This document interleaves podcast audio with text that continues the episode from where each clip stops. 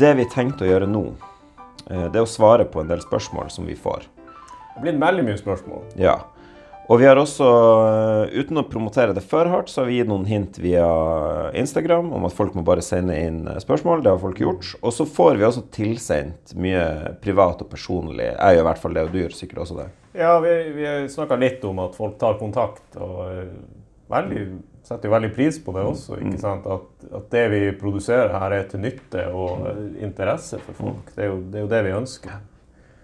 Så eh, ja, bare fortsett her. Vi hadde snakka litt om hvordan vi skulle gå gjennom det her. Ja. um, og uh, vi har fått litt herifra og derifra. Og oss, folk spør også, som jeg møter på gata, uh, fått noen spørsmål.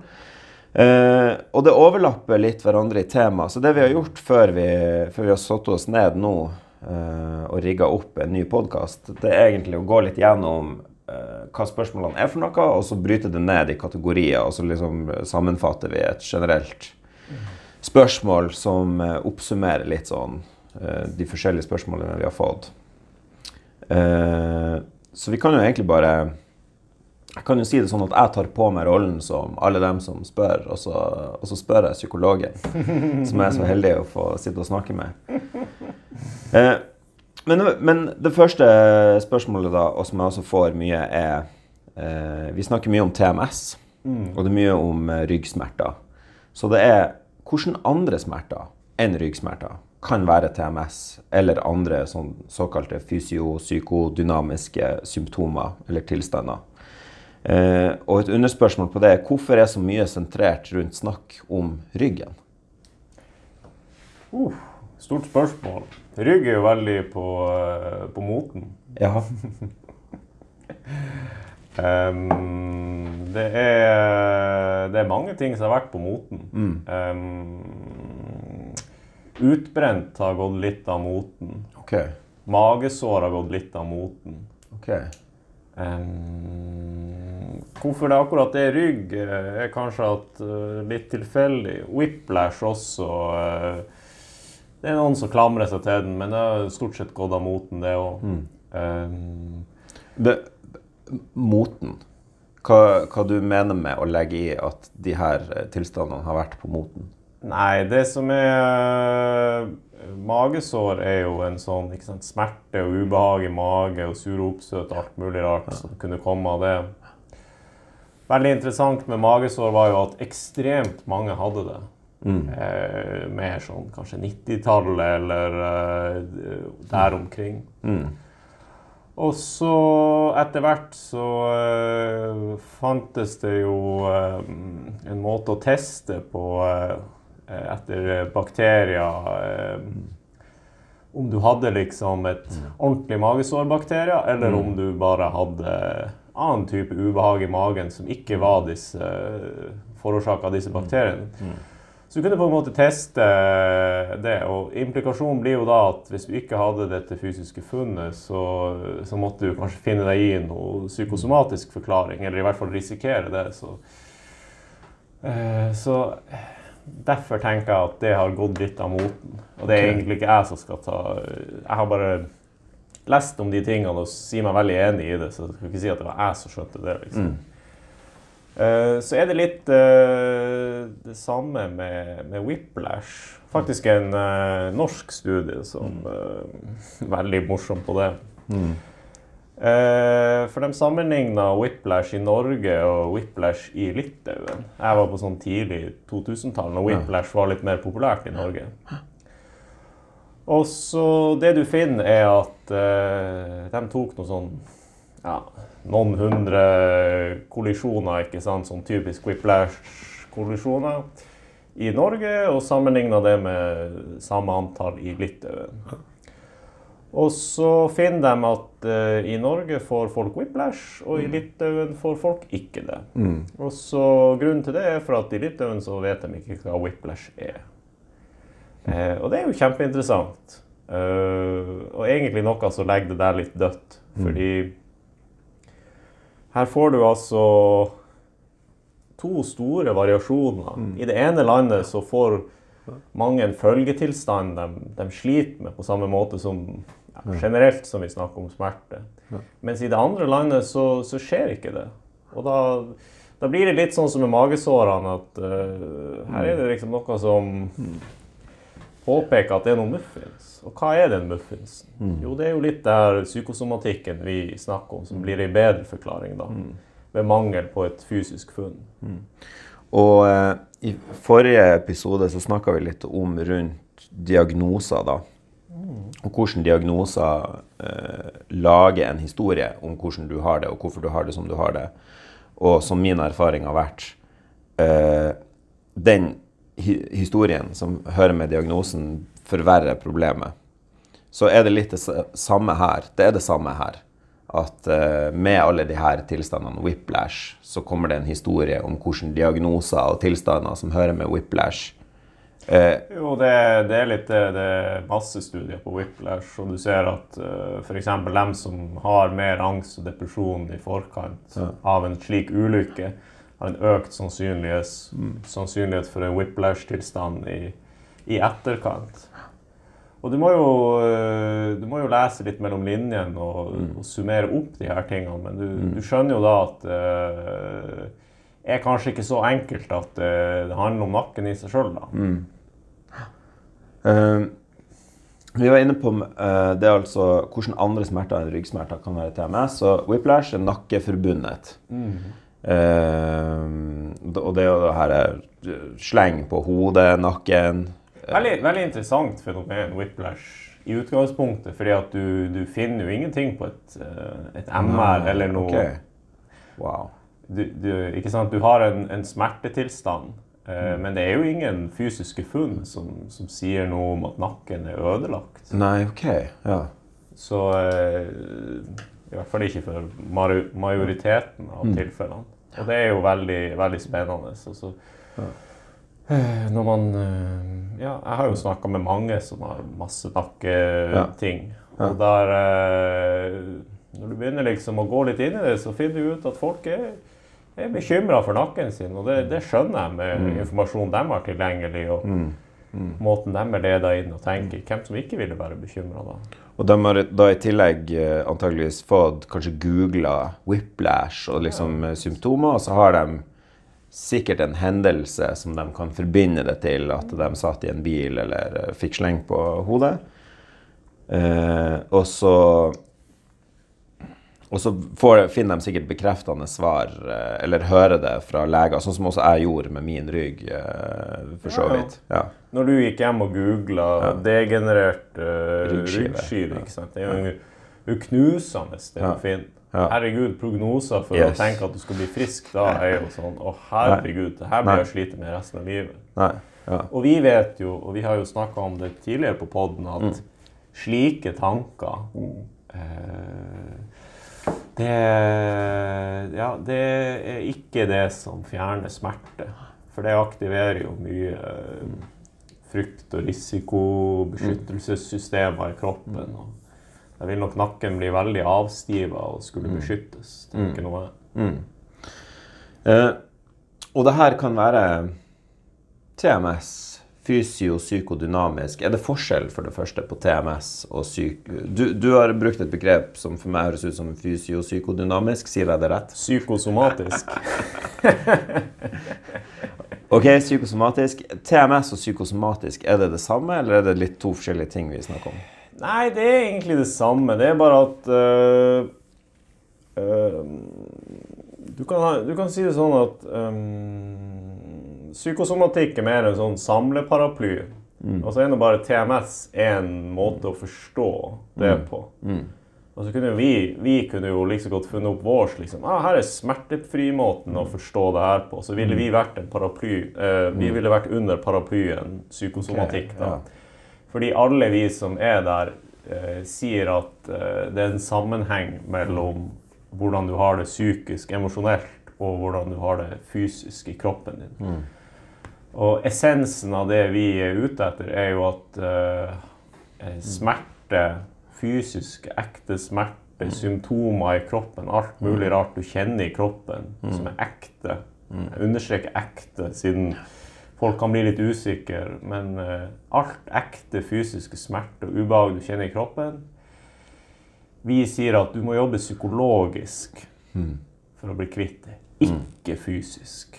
Eller du må jo selvfølgelig bevege deg og litt sånne ting òg, men det, grunnen til at man ikke blir kvitt det, er at man ikke eh, Hva skal jeg si? Man, man sier eller tenker eller føler ikke de rette eller på de rette måtene. Fordi at det man gjør, samsvarer mer med at situasjonen blir opprettholdt, enn at det kommer inn noe nytt som kan endre det. Mm. Du, eh, det blir på en måte et, eh, et ekko vi skal bli kvitt. Ja. Vi snakka jo eh, også på det her med hvordan andre smerter enn ryggsmerter. Vi snakka nettopp med en person som har knehistorikk. Ja, ja. Jeg har hjulpet en annen kompis. Jeg har hjulpet masse pasienter òg, men jeg har hjulpet en kompis òg med et kne. Ja. Kjempespennende. Mm. Og din historie var jo skulder. Min historie var jo ryggrelatert, men, eh, men smerten satt ikke egentlig i ryggen. Det var mer i beina at smerten satt. Sånn at uh, når det kommer til det TMS-bildet, så føler jeg i hvert fall for min del personlig, også det jeg observerer rundt meg, at uh, det kan være et mangfold av symptomer ja, i oss, kroppen. La oss peke oss gjennom kroppen. Vi begynner ned i føttene dine. Plantar, fans, eh, plantar fasitt, eller hva? Nå husker jeg ikke helt. Ja. Mm. Alt du har ned i tærne og anklene og sånn. Og leggene dine. Mye sånn akillesgreier. Ja. Knærne dine. Eh, og så er vi jo liksom på hoft og korsrygg og alt litt mer der du var. smerte. Og så er vi, da er vi jo nært relatert til mage, buk, irritabel tarm, sånne type ting. Beveger oss litt lenger opp, så kommer vi til torso, både rygg på baksida og alt sånt der. Og så på forsida så har du mye smerte og press og sure oppstøt og øh, mange sånne type ting. Og så har vi skuldrene våre og nakken vår. Og etter hvert som nakken er kobla opp, så kommer tensjonshodepinen, gren og alt mulig rart. sånn. Og piping i ørene også. Veldig kult. Tinnitus. Vi har et spørsmål eh, på lista som kommer til å eh, sikte litt mer inn på eh, altså, hvordan andre symptomer enn fysisk smertesymptomer. Og jeg har faktisk hatt to av dem. Oh. eh, som i lys av det vi har lært gjennom den smertefri-greia, også blir veldig trippy å snakke om. Men vi kan komme tilbake på det, for det går på altså, hu- hudsymptomer, liksom sånne ting. Ja, det glemte jeg. Ja, Ja. Men hud og øh, Ja. Veldig, veldig Altså fordi vi snakker om smerte, men det kan være andre symptomer også i, på kroppen som kan ha bakgrunn uh, Ja, ja. med det Jeg er jo, det ikke sant uh, Hvis jeg har mye stress, så tørker jo knokene mine ut. Ok, Ikke sant? Huden begynner å sprekke og alt sånt. yes. Og det er linka med det du sier, ikke sant? For du, noen har eksem, noen har Jeg klarer aldri å uttale det. Suari... Ja. Jeg har hørt det. Jeg klarer heller ikke å uttale det. Suaris. Så ja. Pissoar. ja, pissoaris. Det føles sikkert som det. Det er sikkert det du veldig gjerne vil kalle det. Ja. Ja. Eh, veldig mye sånne greier. Eh, for at eh, man har Altså Med alle disse smerter og symptomer og alt sånt. Hvis du ikke finner noe, at du er ødelagt, eller at du har et virus eller en bakterie eller noe sånt. Kanskje du finner noe sånt i tillegg òg, men sannsynligvis så, så er det noe med at ah, det er, Systemet ditt er stressa. Og det kan være at at du finner en del funn. Du kan finne eh, For sånn er det jo Vi snakka jo litt før vi begynte å eh, Før vi begynte å ta opp, så snakka vi jo litt om sånn ME og, og sånne type ting. Og der eh, forsker de jo steinhardt, fordi at noen har jo veldig lyst til at ME skal være en fysisk sykdom.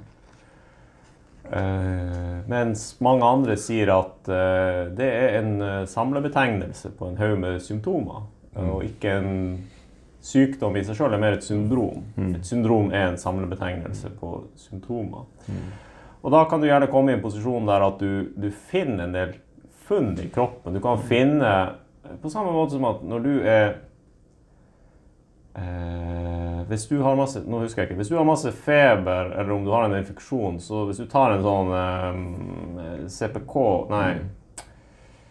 Du kan i hvert fall få høye, vise høye verdier at du har en infeksjon i kroppen. Og så blir spørsmålet da eh, La oss si at du gjør det samme på en, når du er veldig sliten. Blir det rett å si at uh, jeg er veldig sliten pga. en eh, infeksjon eller noe sånt? Eller blir det mer å tenke at jeg er veldig sliten pga. det som skjer i livet mitt rundt det her? Fordi er veien ut av det at jeg får litt antibiotika for infeksjon, eller er veien ut av det at jeg ser på hva i livet mitt som kunne få meg dit in the first place? Eh, ja.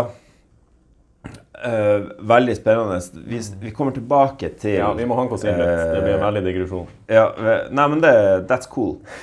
Og vi kommer tilbake til de der eh, sånne type tilstander. Eh, men her i hvert fall, så kroppslige smerter, hvis det er det som er utgangspunktet for det her spørsmålet, spørsmålet, så er det folk lurer på Ja, er, dere snakker mye om ryggen, jeg har noe i korsryggen, men jeg har også noe i kneet. Kan samme metode anvendes uh, på kneet? Ja, fordi at uh, hvis ikke vi finner noe som vi kan operere på, så har du ikke så jævla mye du kan gjøre. Nei. For ikke sant, OK, jeg sier, ok, du har vondt i kneet ditt. Um, hva, eh, hvis vi ikke opererer deg, hva så skjer da? Uh, altså, du Man vil jo gå i et sånn fysiotenkespor. Fysioterapi, jeg vil få øvelser, jeg vil eh, stå med sånn strikk rundt kneet og gjøre sånne forskjellige øvelser. Og det her er så gøy, fordi at eh, Så gjør du alt det i to-tre måneder. Ah, det funker ikke. Kneet er like vondt. Må jo være ødelagt. Hvorfor funker ikke det, da? Hvis vi har sagt at du ikke kan operere eh, for at det er ikke noe å operere Mm. Det her er rehab-trening. Altså, et uh, kne er jo et fint eksempel, for det er jo litt sånn Ja, et kne skal, kan jo bøye seg liksom Det er jo ikke så himla mange måter å bøye et kne på, øvelser og ditt og datt. Du kan jo gjøre det veldig komplisert hvis du vil, men ah, skal du kunne reise deg opp og sette på huk og litt sånn. Og, hvis du er trygg og sterk i de, så, så ordner det seg noe. Så spørsmålet blir jo da Hvis jeg um, utsetter meg for en haug med stimuli, men ikke får det utbyttet jeg skal, hva kan være i veien for det, da? Eh, da blir det jo forståelsen av smerter som er litt problemet. Ja. Fordi at uh, hvis, hvis smerter for deg er Din måte å tenke smerte er at smerte er synonymt med en skade, så er det jo et eller annet Du må jo lage et skifte da. Du må jo si fra. Når er den skaden fiksa? Eh, det gjør ikke man veldig lett intuitivt. Nei. Fordi at du, du kommer i en posisjon der det er smerte, og smerten er et bevis på at noe er ødelagt. Eh, og siden du har smerte, så funker ikke det du gjør. Du, du blir liksom fanga litt i en sånn loop. Men veien ut av loopen er å gjenkjenne at Oi, shit, jeg må jo sette en strek for at kneet ikke er ødelagt. Og at jeg har, et, eh, jeg har litt mer en sånn ekkotilstand i kneet mitt. med at Smerten handler nok mer om at uh, jeg, har et, ja, jeg har et smertesignal som, eh, som er fysisk ekte smerte. Men det er ikke noe samsvar med det og, uh, og at det trenger å være en skade i, i kneet mitt. For å, å lage masse fysisk smerte uten skade, det er ikke noe problem. Nei. Og det er mm, Det er jo der eh, Mye i det der lå min aha-opplevelse for min eh, reise, som jeg snakka masse om på det foredraget, som er episode én av Smertefri. Hvis du ikke har hørt det, så kan du høre det. Så snakker jeg om det der. Og, og, eh, men det er jo nettopp det der med at jeg gikk til fysioterapeut etter fysioterapeut og fikk øvelsesregime etter eh, Altså regime etter regime på øvelser som skulle liksom kontre denne her Jeg kan smerten. skjære igjennom. Um, Ja. Bare for at uh, Jeg burde ta det eksempelet fort mens vi er på denne tråden, for å glemme det. Mm. Uh, uh, si at du er redd for edderkopper Ja. istedenfor at uh, kneet, men samme situasjon. Du er redd for edderkopper, og så har du lyst til å bli kvitt frykten din for edderkopper. Du prøver opplegg etter opplegg for å bli eh, kvitt edderkoppfrykten din. Men du klarer ikke å bli kvitt den. Mm. Er det noe feil med hjernen din at du er liksom skrudd sammen på en måte Du er ødelagt. Du bare er redd for edderkopper. Punktum. Det går ikke an å fikse det. Mm. Eller er det noe med fremgangsmåten i eh, de øvelsene du gjør for å bli kvitt edderkoppfrukten din?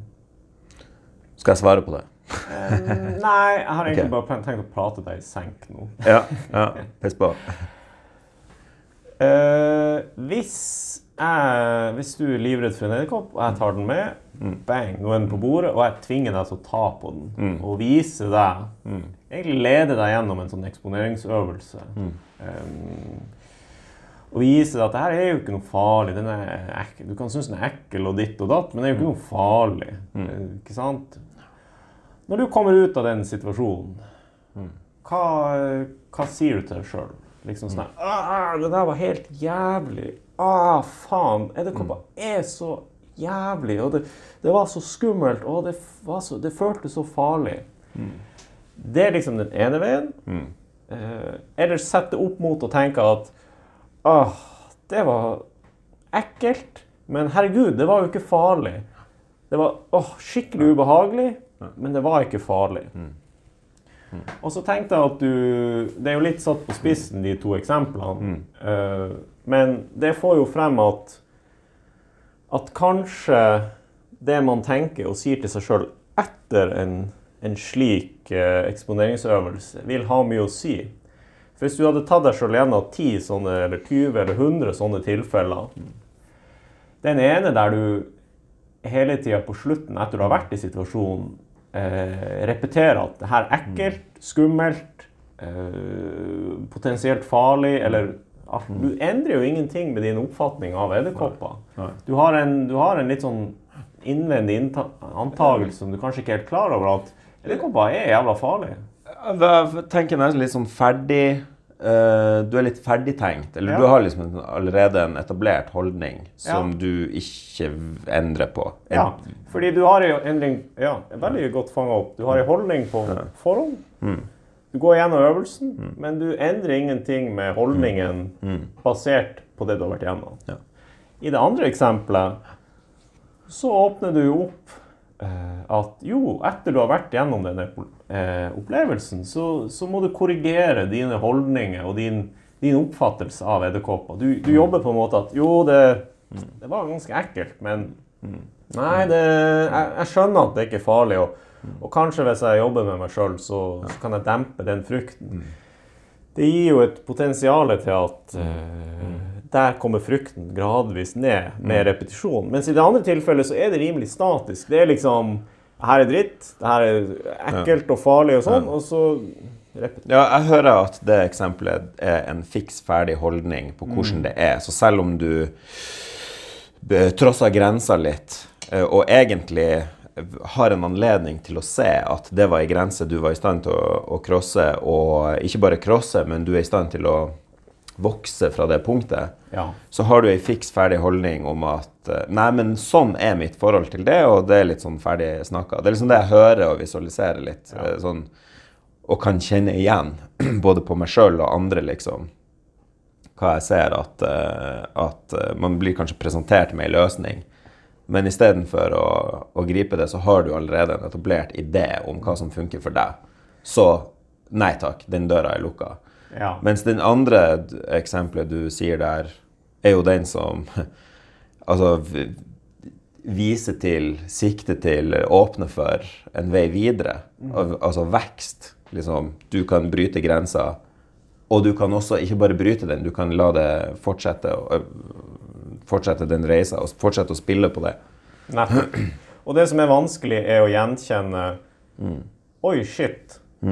Er jeg i det første eksempelet uten at jeg er klar over det? Ja. Driver jeg egentlig og holder meg fast Ja. og sier at jeg har lyst til å gå bort dit, Ja. men jeg holder meg jo fast? Hvis jeg skal komme bort dit, så må jeg jo gi slipp. Jeg må gi slipp. Jeg, kan ikke, jeg kan ikke forvente at jeg skal bli, bli den der personen. Her fikk vi noe piping, men det går bra. Ja, jeg vet ikke hva det er. Eh, ene kameraet døde. Jeg kan ikke forvente eh, å bli den personen med en annen holdning til edderkopper hvis jeg ikke jobber med meg sjøl i nuet med å endre min holdning til edderkopper. Ja. Og det blir som du sier, det her er veldig sånn eh, static versus uh, growth mindset. Eller fixed versus growth mindset. Eh, Vi har jo snakka litt om det før. Og, og ta det her over til kneet igjen nå. Det blir jo innlysende at shit eh, Jeg må tenke en del annerledes om det kneet hvis jeg skal uh, liksom få noe ut av denne fysioterapien. Fordi hvis jeg holder fast på denne tanken om at kneet er skada, smerten er en refleksjon av at det er skada, så lider jo jeg masse i de øvelsene og, og tvinger meg sjøl gjennom ting som er ubehagelig. Og hvis jeg da er så uheldig at jeg holder på den gamle tanken, så kommer ikke de her tingene til å ha effekt. Fordi at jeg endrer ikke jeg endrer ikke noe av mine holdninger eller tanker om kneet som kan føre til at jeg begynner å stole på kneet igjen. Eh, og jeg kjenner igjen så utrolig mye der. Jeg snakka liksom om de her fysioterapeutreiser men en og den andre. er jo liksom Og, eh, og også Jeg følte meg veldig fanga i å gjøre de rette tingene, men allikevel ikke komme meg videre. Men jeg ser jo i retrospekt at eh, Altså, jeg, jeg gjorde de rette tingene, og så kjente jeg likevel noe knirk og knark i kroppen. Og, eh, og ut fra det ble jeg liksom overbevist om at uh, nei, det funker ikke. Jeg må bare fortsette å prøve, og jeg har fortsatt vondt, jeg er fortsatt skada. Bla, bla, bla. bla. Loop, loopen blir gående. Loopen blir gående, og, eh, og liksom Nei, og, og det prakteksempelet som jeg liksom alltid henter frem, er den der eh, å gjøre, Jeg begynte å gjøre de tingene jeg faktisk var redd for. Og det var gjennom å gjøre det at jeg fant ut at ryggen min faktisk er frisk. Ja. Så liksom, jeg, I bilen eh, på tur ut til isbadet nå i stad, så, så var det rett før jeg begynte å skryte av at jeg tok markløft igjen. Eh, en øvelse som jeg oppriktig talt for to år siden så trodde jeg ikke at jeg skulle kunne klare å ta eh, øvelsen markløft og bøye meg fremover og plukke noe opp og så løfte det opp. ja. Eh, mens nå er det helt standard eh, del av treningsregimet på gymmen å kunne ta markløft. ja. Og snakk om en helomvending i holdning og tankesett, da. Ja. For at klart, herregud, eh, en tanke om at nei, jeg er en eh, mann som er liksom par og 30. Ryggen min tåler ikke markløft. Ryggen min tåler ikke markløft. Eh, Det trodde jeg lenge. Ja. Ja. Og ikke sant, det, det handler jo ikke om markløften i seg sjøl på mange måter. Ja. Fordi at, herregud, hvor mange ting er det da uh, ellers det er slik med? Ok, markløft, da er det sikkert å bøye seg dit og dit. og Veldig mange skjulte ting blir man da å tenke at man ikke kan gjøre. Um, jeg leser opp et nytt spørsmål. Ja. Eller et uh, sammenfatta spørsmål. Uh, jeg hopper over ett som vi tar til slutt, bare fordi det, jeg føler at det, uh, det glir bedre da. Det trenger jeg egentlig ikke avsløre for noen. Men, uh, men gjort er gjort. Eh, jeg har fått spørsmål om, eh, fra flere hold, symptomer på hodepine. Migrene.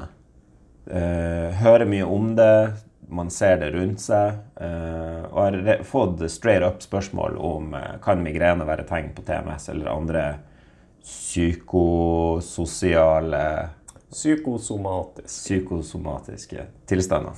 Men, vi men altså om hodepine og, og migrene. Hva er din erfaring der? Møter du dem som Ja, psykolog, psykolog og pasienter som er kommet med det? Ja. Massevis. Både der jeg jobba før, og der jeg jobber nå. Mm. Så. Men det er ikke noe eh, Vi kan egentlig bare jobbe videre fra det eksempelet vi nettopp tok. Mm. Fordi at OK, la oss ta testene. Mm. Ikke noe bakterie, ikke noe virus, ikke noe galt med hodet. Mm. Ikke sant? Du har ikke kreft, du har ikke ditt, du har ikke datt. Sannsynligvis har du hatt eh, hodepine og slitt med det lenge, så hadde du hatt en farlig sykdom, så hadde du vært død for lengst. Så bare det å ha, ha smerte over lang tid, enten det er i hodet eller hvor det nå er, eller et symptom over tid, er jo ofte en trygghet i seg sjøl at det er et psykosomatisk symptom. Fordi at uh, en alvorlig sykdom ville jo Tatt knekken. Kreften ville jo drept deg liksom for lenge siden, så vi vet jo at det ikke er det. Sannsynligvis, i hvert fall. Og da er vi jo eh, litt på samme det her som med kneet. OK, det blir jo ikke noe operasjon. Nei. Og det er jo ikke noe eh, medisin som gir noe indikasjon, sånn direkte indikasjon, med mindre du selvfølgelig har det. da. Så hva er det vi har igjen å, å jobbe med, da? Jo, vi kan se på Prøve å uh, se litt når inntrer denne hodepina. Mm.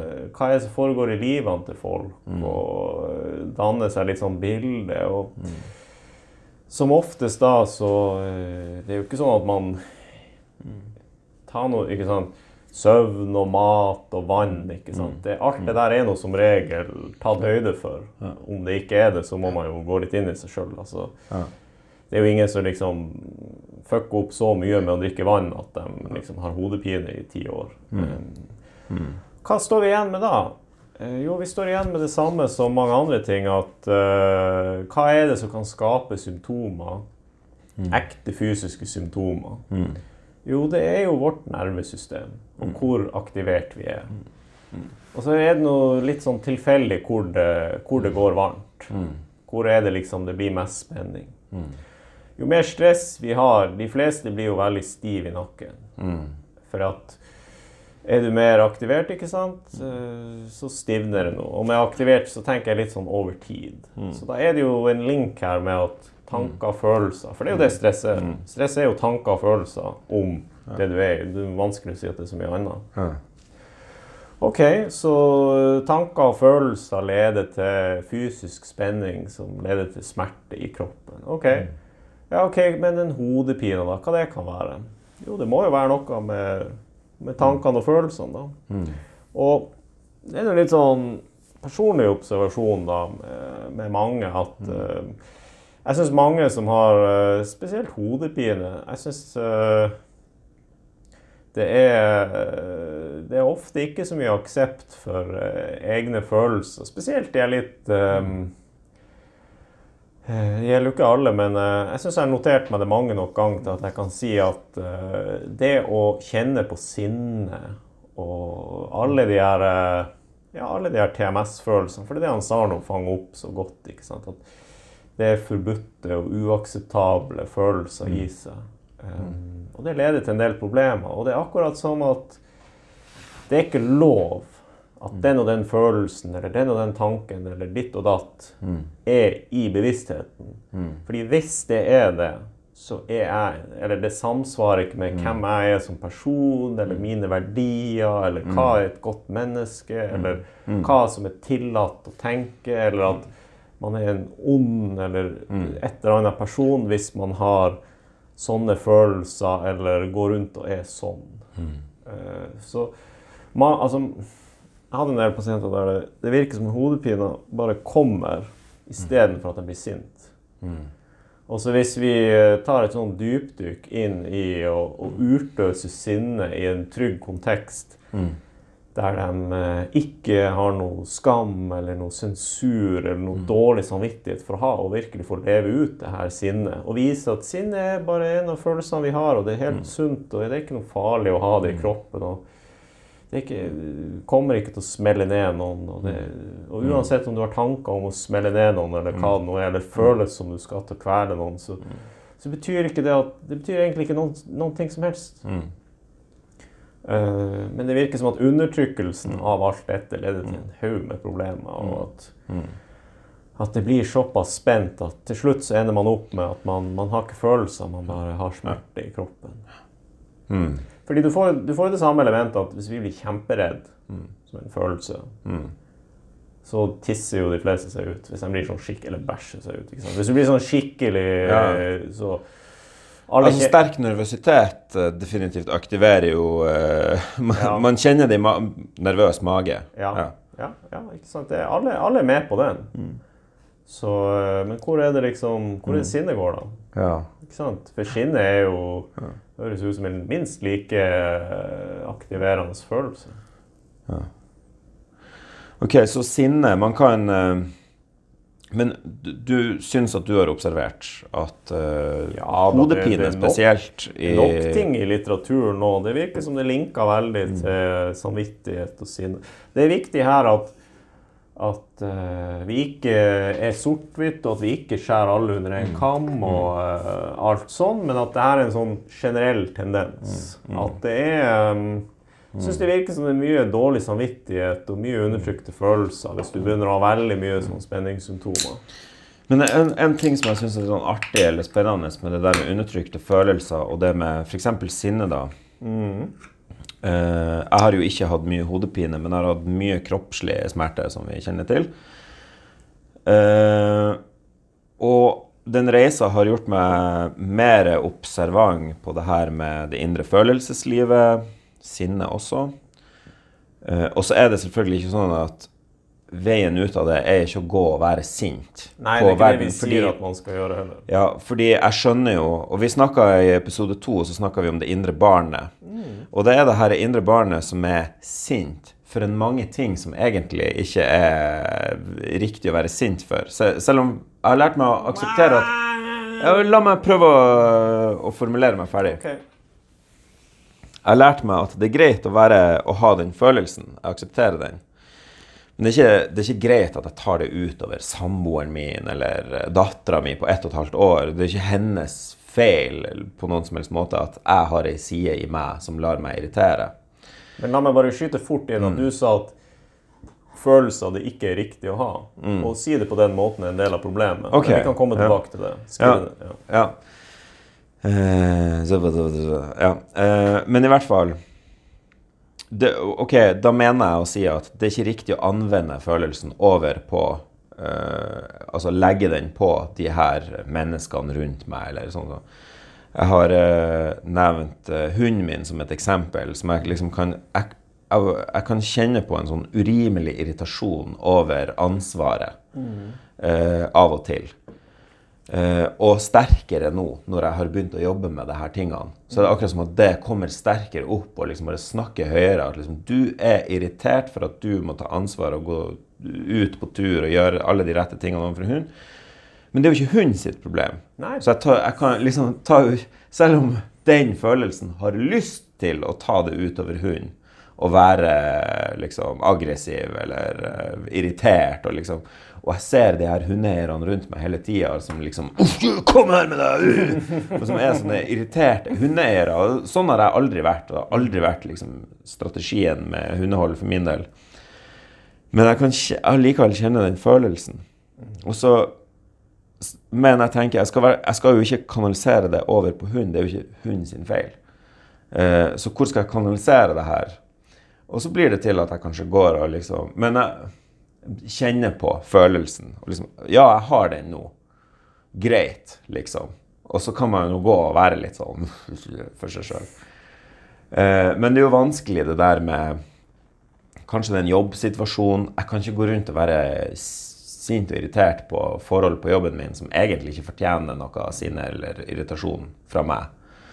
Så hva skal man egentlig gjøre med all den der energien?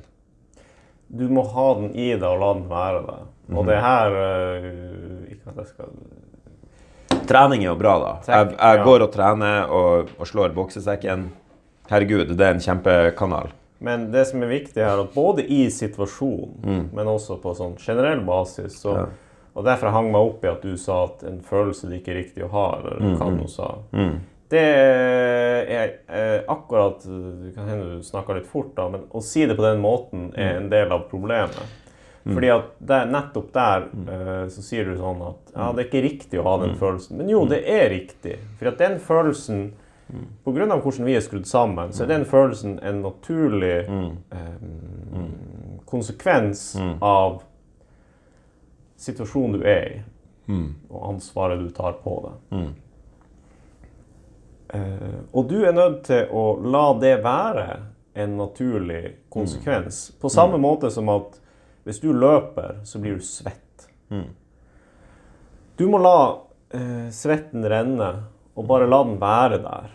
Og så sånn Ja, det er upraktisk. Eh, du kunne forbarska deg faen om jeg dusjer og du, da, da, da, da, da. Men du er nødt til å la det være der. Du kan ikke begynne å, å sensurere eller irritere eller lage konsekvenser for at du, du kjenner på sinne. For det er om, det skulle vært riktig og galt, så er det i hvert fall riktig øh, å understreke det. For at med en gang du begynner å si at noe ikke er rett eller galt, så begynner du egentlig å, å straffe eller å påpeke at det er ikke bra. Og da blir plutselig det å, å føle på sinnet blir galt. Og hvis noe blir galt, så er det uønska i, i vårt samfunn. eller hva jeg skal si. Så da er det lettere at det blir undertrykt igjen.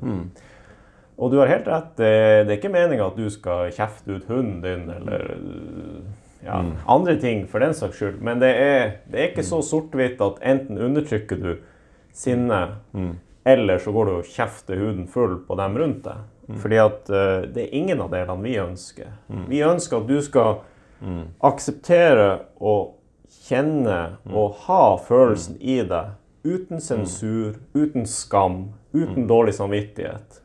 Litt på samme måte som vi snakka om hodepine. At du kan ikke eh, Du kan ikke Eller kan eh, det, det er ikke bra hvis eh, du straffer deg sjøl eller skaper noen konsekvens for å ha én følelse, men ikke en annen. Fordi at Bare for at du har en følelse, betyr ikke at du har tenkt å gjøre noe. Bare for at du kjenner sinnet på han Linus over de her tingene, betyr ikke at du har tenkt å gå Kom hit! Og så føler jeg på den der eh, urimeligheten. At liksom, jeg er sint på en Linus, men det er ikke Linus sin skyld. Jeg eh, altså, Prøv å mm, I hvert fall tanken som kommer, er eh, det, er ikke, det er ikke Linus skyld, så det er urettferdig av meg å være sint på en Linus. Ja, og da føler du skyld. Eller skam. Ja, eller dårlig samvittighet. Eller noe sånt. Og nettopp Jeg føler meg ikke berettiget å være sint for en sånn filleting. Men det er der man må minne seg sjøl på at ja, men det er noe i psyken. Og, og der har det vært til hjelp øh, å, å se på det som det indre barnet. Fordi at et barn er jo irrasjonelt og egoistisk. Og herregud, jeg har ei ett og et halvt øh, gammel, år gammel datter hjemme. Verden hennes faller i grus, eh, bare jeg prøvde å hjelpe henne med grøten. Altså, hun tar ei skje med altfor mye grøt på, og så prøver jeg å hjelpe henne at det liksom er litt mindre grøt, så hun får plass til det i munnen. Det var nok til å bare tippe skåla for hennes del. I, Ja, ja. I morges så ble det dårlig stemning en halvtime etterpå. Men, og da vi Jeg lærte meg om de her tingene og snakka med deg, indre barn, eh, der kommer den forståelsen. Ja, men det er et indre barn. Det er et barn inni meg her som, som er, er urimelig irritert på verden rundt seg. Det er det, liksom. Og det er greit. Det, liksom, der har jo mitt akseptarbeid eh, foregått. At liksom Også de her eh, Hvis eh, noen spør meg også om konkrete teknikker, og da snakker jeg om indre dialog, da. Og liksom rett og slett sette seg ned, nesten med øynene igjen, meditativt. Eh, og så hente frem sånne øyeblikk eller minner eller situasjoner pågående som man føler denne irritasjonen overfor. Innrømme det. Og nest, ta en sånn prat med seg sjøl. Stryke barnet på ryggen og liksom ja, si at akseptere det. 'Skjønner at du er sint, men det går bra', liksom. Du, og du, du, det er greit. Gjør deg ferdig. Akkurat som jeg gjør med Signe også, liksom. Ja, Eh, Fordi du, Den måten du tenker om deg sjøl med at det er urim, eller ikke at du gjør det, men liksom at du kunne tenkt at å, det er så urimelig og, av meg å, Ja, tenke en del av og føle sånn mot han Linus. Men Mm. hvis det var dattera di, så ville du aldri vært sånn Signe, det er så jævlig urimelig av deg å Mm, være sint for denne grøten. Eller at du at det Du ville aldri gjort det. Du ville bare flatt akseptert det, og du ville ikke gjort noe som påvirka hit eller dit. Nei, eller du vil ikke. Du, du gjør det. ikke sant? Du flatt aksepterer at Mm. ja, følelsene flyter hit og dit, og det betyr ingenting. Det betyr ikke at du er en dårlig baby, liksom. Mm. Men for oss sjøl så blir det plutselig ah, det er så urimelig. Jeg Mm. føler skyld, jeg føler dårlig samvittighet. Kanskje ikke sånn Mm. overveldende, men det er der. Mm. Og det er kjempeviktig at man da er veldig eh, på det der. Fordi at siden du ikke ville gjort det til hos Signe, så kan du ikke heller gjøre det med deg sjøl. Fordi da behandler du deg sjøl annerledes, og da vil du jo liksom, i forlengelse av det straffe deg sjøl for noe du ikke ville straffa noen andre for. Og da kommer du inn i en litt sånn Da begynner du å straffe deg sjøl for å ha følelser. Mens hos Signe straffes ikke for å ha følelser. Og da blir det veldig sånn Hva er det man driver med? Men det her er veldig abstrakt, subtilt, det her går veldig fort. Og for å liksom finne ut en sånn analyse, så må du nesten sette deg ned, sånn som du Ja. skildrer. Og det var det jeg gjorde i den reisa der. Og eh, Ja, rett og slett. Jeg, og jeg hadde på det tidspunktet sysla og bedrevet og liksom lært meg om meditasjon i seg sjøl. Og det fins mangfoldige måter å meditere på. Som alt fra tilstedeværelse og mindfulness og egentlig bare skru av alle tanker. liksom bare kun fokusere på det du sanser, eller det kan være meditasjonsteknikker som går på å liksom sterkt visualisere eh, ting. Eh, en teknikk jeg har brukt for å forberede meg faktisk mye, foredrag og sånne ting, kan være sånn å sitte i meditasjon og bare så sterkt jeg klarer å visualisere eh, hvordan jeg går gjennom et foredrag. Mm. Eh, men, så erfaringa i det ga meg liksom en sånn Ga meg et spor i forhold til nettopp det der. Sette meg ned og sterkt visualisere de tingene som gjør det indre barnet sint og irritert. Eh, og nest, nærmest visualisere meg sjøl snakke med det indre barnet og liksom ta den der eh, Faktisk en sånn trøst inni seg sjøl. Liksom ja, det er en god men det går bra. Det, liksom, det er OK at du føler det sånn. Jeg skjønner det på mange måter. Ja, det der opplevdes urettferdig, og, men liksom dessverre er nå verden sånn at vi skal ikke leash out, selv om vi har lyst til det. Mm. Men det er en fin øvelse å ta, fordi at når du gjør det der inni deg sjøl, mm. så gjør du jo nettopp det vi snakker om her. Mm. Da tar du opp den følelsen, og så anerkjenner du at den er der. Ikke dømme, ikke sensurere, ikke skamme, straffe, skylde, et eller annet. Du bare behandler deg sjøl sånn som du behandler Signe. da. Og eh, jeg ga deg det som et, et annet eksempel jeg skrev til deg, eller fortalte deg, da vi jobba sammen med min smertereise for et par år siden nå. Et og et halvt år siden. Nærmer seg faktisk to år siden. Men uh, uansett. Uh, jeg ga deg et eksempel som du kommenterte tilbake på meg som interessant. Og det var et fotballeksempel. For det handla om følelsesutbruddet som på en måte ikke har noen kanal i livet når man blir voksen. Og da observerte jeg at uh, i min barndom og min ungdom så spilte jeg fotball. Og der var det jo mye altså knall og fall og taklinger og liksom Egentlig var det en livssituasjon som skulle ført til mye mer vedvarende smerte hadde jeg hatt holdninger, mine unge voksne holdninger med meg i den tida, da. Men allikevel ikke. All smerte du fikk, var egentlig ganske kortvarig. Du ble skada, slo deg litt, kanskje ble tatt ut av kampen, men du var på treningen neste dag, liksom. Det var bare en bruise på kneet. Men jeg så det at den derre følelsesladde utbruddet Og det kan vi se på fotballspillere. Hvis du ser en fotballspiller som Han har dribla to mann. Han nærmer seg målet, liksom. Uh, og idet han skyter, så Han har gjort en jævlig bra jobb, og når han skyter, så er det stang ut. Hvordan, da ser vi jo liksom den derre fra dybden i magen, liksom de brøler ut banneord av sorter som liksom blir blipa ut på TV, liksom. Uh, og jeg husker jo at jeg sjøl var sånn når, uh, når, det ikke gikk min vei. Og spesielt hvis du nesten fikk det til, så kom du med den der uh, følelsesladde utbruddet. Og så skjønte jeg det at faen, den kilden der, den hadde jeg ikke mer da jeg var ferdig med å spille fotball. Og hva var det slags kilde, egentlig? Det var en kilde til å la, få utløp for det der Altså, den indre barnet da fikk bare slippe fri. Den stemmen fikk bare slippe fri. Og når du er på en fotballbane, så er det akseptert. Det er ingen ja. som ser ned på deg av den grunn. Det er ikke, det, noe, det er ikke noe, skam, det er ikke nei, noe sensur, det er vi, ikke noe dårlig samvittighet. Vi ser på, på TV-skjermen profesjonelle fotballspillere som, ha, som, er på banen, gjør sitt. De er alle i det her samme moduset, og vi som ser på, aksepterer det. Vi forventer det.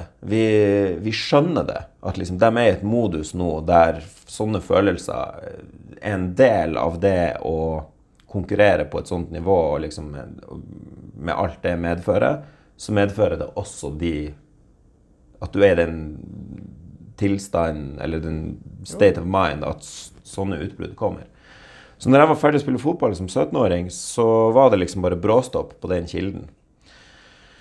Og så har jeg jo trent kampsport siden, og man tenker kanskje at kampsport er en bra sånn uh, utløp for innesperra aggresjon, men men not really at all, fordi kampsport er veldig sånn zen. Det handler faktisk veldig om å la legge, yes, legge sjakk på sånne følelser i møte med en situasjon som egentlig vil bringe det frem. Men det man lærer, er at eh, å bringe det frem vil få deg til å spore av. Og spesielt hvis du møter en motstander som vet hva han driver med, og som sjøl er, er kald i hodet, liksom.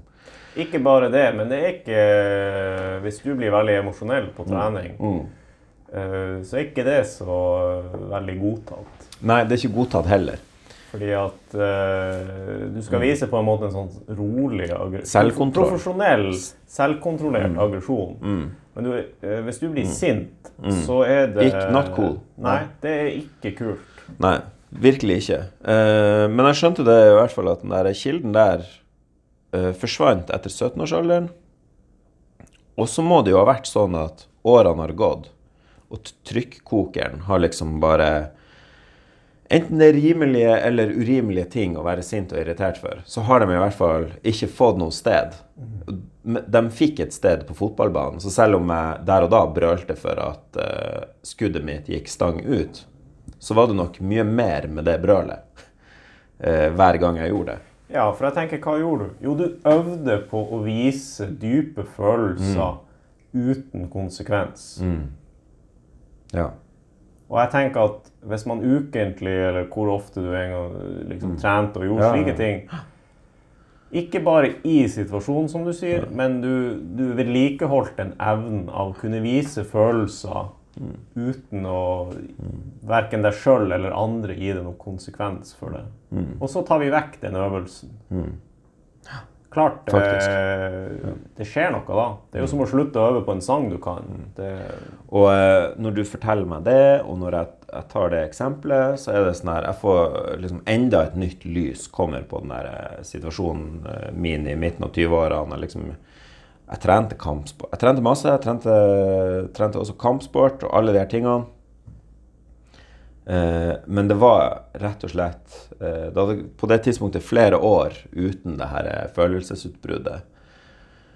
Og jeg var kanskje til og med i en situasjon jeg trodde at jeg fikk utløp for mye gjennom trening.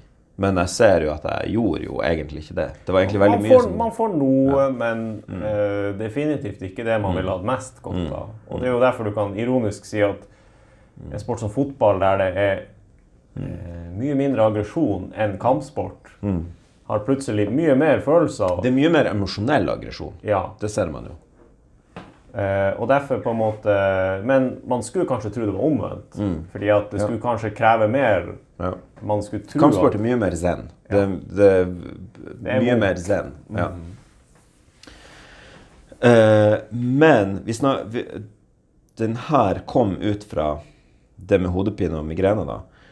Og jeg vil spørre deg, er migrene litt sånn som med whiplashen? At uh, du forteller at whiplashen er noe du ikke kan se på noen måte. Jeg har jo hørt om migrene hele livet. Eh, er migrene noe man kan se? Er det noe man kan påvise? Hva er det egentlig? det er jo smerte. Ja. Um, det Problemet er at det finnes flere typer migrene. Um, men um, så vidt jeg husker i farta, så er det en veldig lav andel som har den typen migrene som, som trolig skulle være noe med noe organisk, på en måte. For de fleste så er det noe, noe funksjonelt. Og så blir det veldig sånn ja, Hva er egentlig forskjellen på en migrene og en spenningshodepine? Det er jævlig vondt og ubehagelig for, for alle. Ja.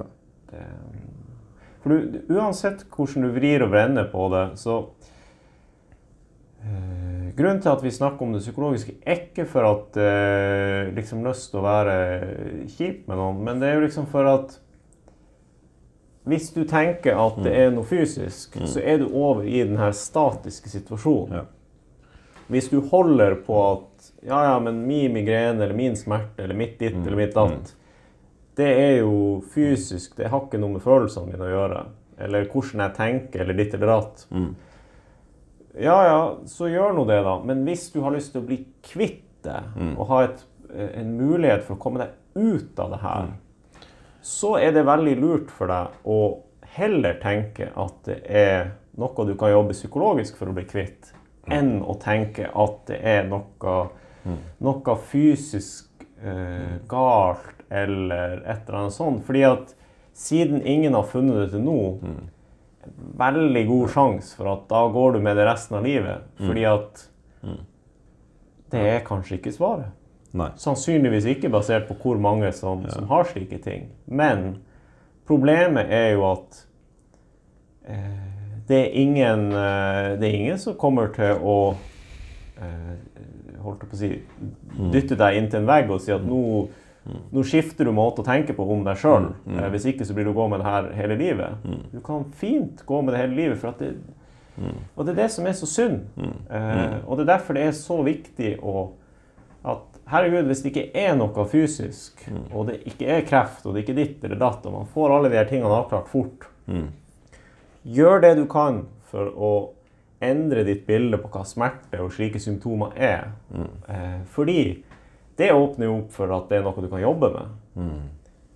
Er, det, er det ingen fysiske funn, og du har en haug med symptomer, og du tviholder på at det er en fysisk årsaksforklaring på det, så maler du deg sjøl inn i et hjørne. Det er jo liksom Ja. Ingenting funker, men du tviholder på at jo, det er fysisk. Og da er det sånn Ja, ja, da er det jo ingen som kan hjelpe deg. Fordi du, tviler, du tviholder på at det er fysisk, så du leter kun fysisk. Yes. Akkurat sånn med den der rumpa mi, at liksom eh, Jeg kjenner jo smerten der. Nå peker jeg på rumpa mi. Jeg, jeg kjenner jo smerten der, så det må være der. Ja. Hvor er det der? Hvis ikke sånn, det- hvis ikke den muskelen, er det den muskelen? Hvis ikke den prolapsen, er det den Ja. Og da, og da kan jeg jo si med en gang det som er interessant med det, er at eh, ja, du kjenner smerter der, men så ser du på de eksperimentene om hva smerte egentlig er. Og så finner du ut at i eksperimenter så kan vi flytte på hvor du føler smerte i rom. Eh, et sånn dritkult eksperiment er at eh, man tar to personer. La oss si at vi gjør det med oss to, da. Ja. Eh, så tar, tar vi på oss sånne VR-briller, eh, også med et kamera på.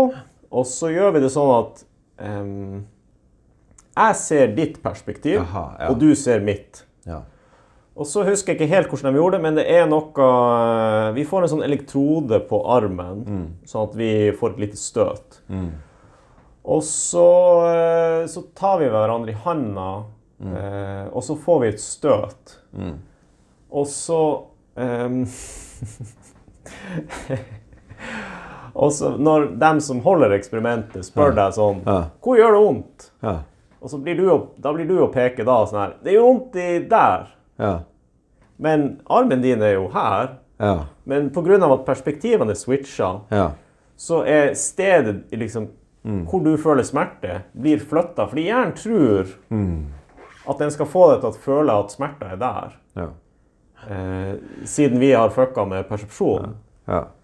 Og det finnes en del sånne typer eksperimenter som er kjempegøy. Fordi at de viser at ikke bare er det hjernen som skrur av og på smerte, men den bestemmer faktisk hvor i, Rommet. i Eller i kroppen. det skal være. Ja. Men faktisk i rommet Ja. i det her. Og det som også er gøy, er jo liksom de her uh, Hvis du tar de her uh, rubber arm illusion, Mm. så da tar jeg og Da skjuler vi armen din. Sette på en skillevegg, f.eks. Yes. Ja. Og så kanskje vi legger en håndduk over armen ja. Ja. Og så legger vi ei sånn protese her da, Mm. på bordet. Og så gjør jeg noen sånne triks at jeg tar på handa di og stryker litt, og sånn, Mm, Ja. samtidig som jeg gjør med proteser. Og du stirrer på protesa Protesen. og tenker at protesa er armen min. Ja. Ja.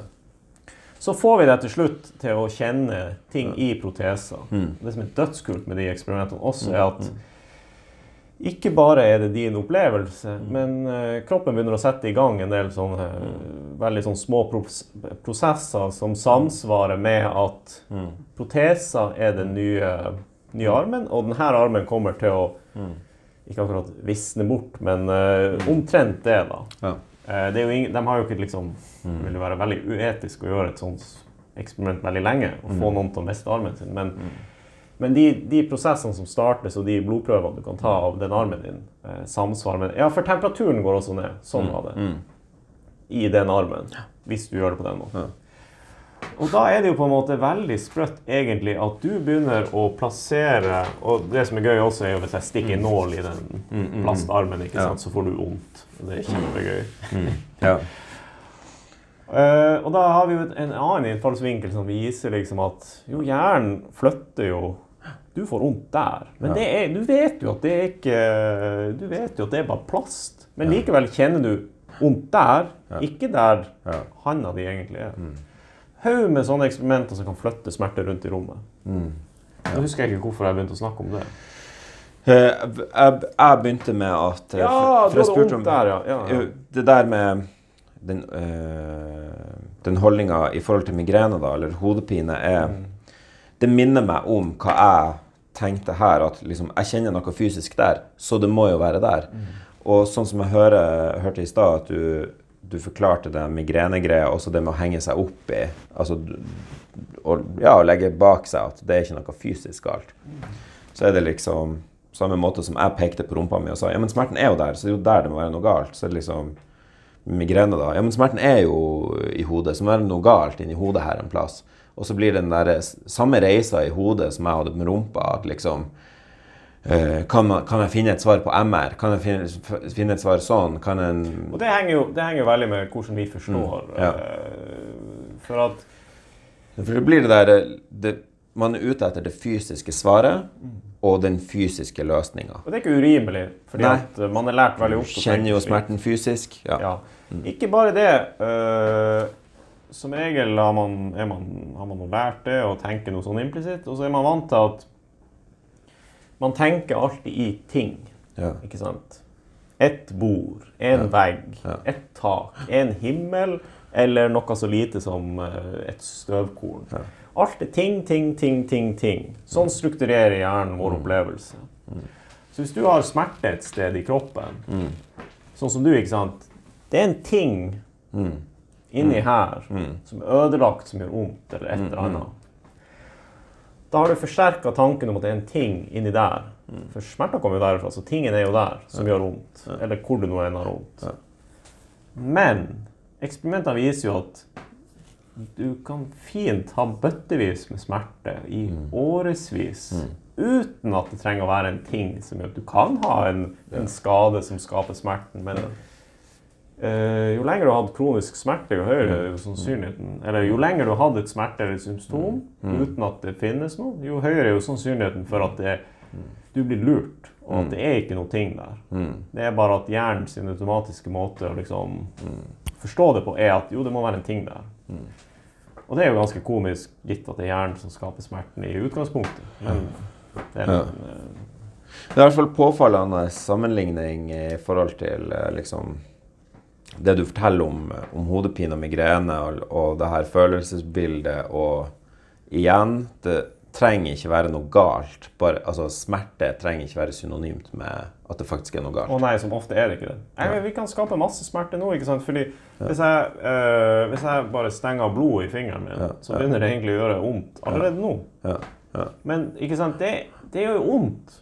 Men det er jo ikke fingeren min. Det er jo ikke noe skade i fingeren nå. Mm.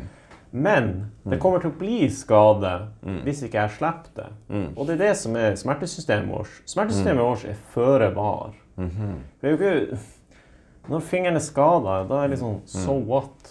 Da er noe skaden Hva er nytten av smerten? Ja. Smerten kommer jo før skaden Ja. for å få meg liksom Slutt å stenge av blodet her. På samme måte som at hvis jeg Holde pusten. Så jeg får veldig masse ubehag lenge før jeg dør, eller på en måte gir for lite oksygen til hjernen min. Fordi at Hvis jeg begynte å skade hjernen min av å holde pusten, eh, så det var veldig dårlig design.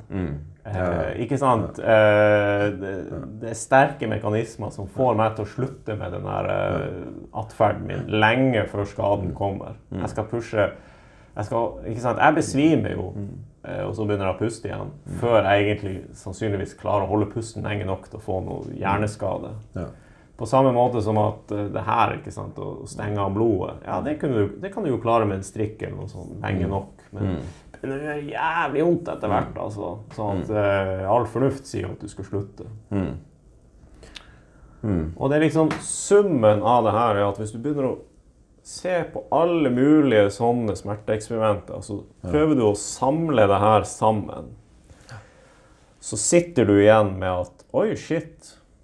Eh, smerte er som oftest ikke assosiert med skade. Eller i hvert fall ikke i, i samsvar til, til liksom eh, Til det som skjer. Ja. For eksempel, eh, en klassiker er jo hvis jeg tar og hvis jeg går ned på leggen din nå under bordet og river av et legghår på deg. Det gjør jo dritvondt. Ja. Men det er jo liksom OK, greit, det er en skade, men herregud øh, Ja.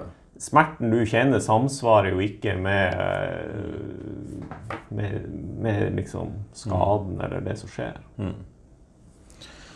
Eh, nei, uh, påfallende eksempel. Jeg syns jo uh, Ja, nei, sånn som du forteller og beskriver, altså Kan hodepine og migrene tilbake på sånn the core of the question være tegn på det vi snakker om med TMS og sånn? Eh, definitivt ja.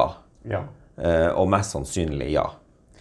Jeg kan si det på en annen måte, er at eh, hvis du jobber med det på den måten, eh, så kan du oppnå en haug med resultater. ja. Hvis du ikke gjør det, så Status quo, antageligvis. Yes. For da blir det litt sånn som det her uh, fobieksempelet i to retninger. Hvis du hver gang uh, du får hodepine eller migrene, rett og slett begynner å utforske liksom, hva er det som skjer i meg nå? Har jeg noe Foregår det noe inni meg nå? Det er jo ikke et virus, liksom. Så hva, hva er det her? Å prøve å være litt sånn Hva kan det være? Ja.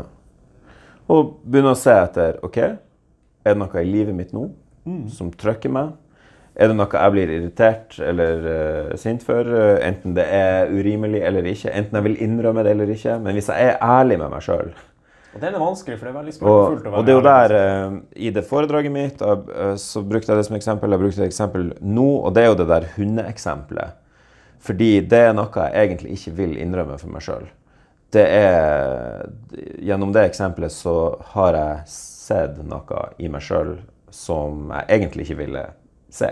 At jeg liksom Jeg blir faktisk Jeg blir irritert inni meg overfor et stakkars vesen som jeg egentlig er glad i. og det er liksom den der splitten. Den ene sida av meg er glad i alt som fører med. Jeg er glad i å komme meg ut på tur hver dag, bla, bla. bla, bla.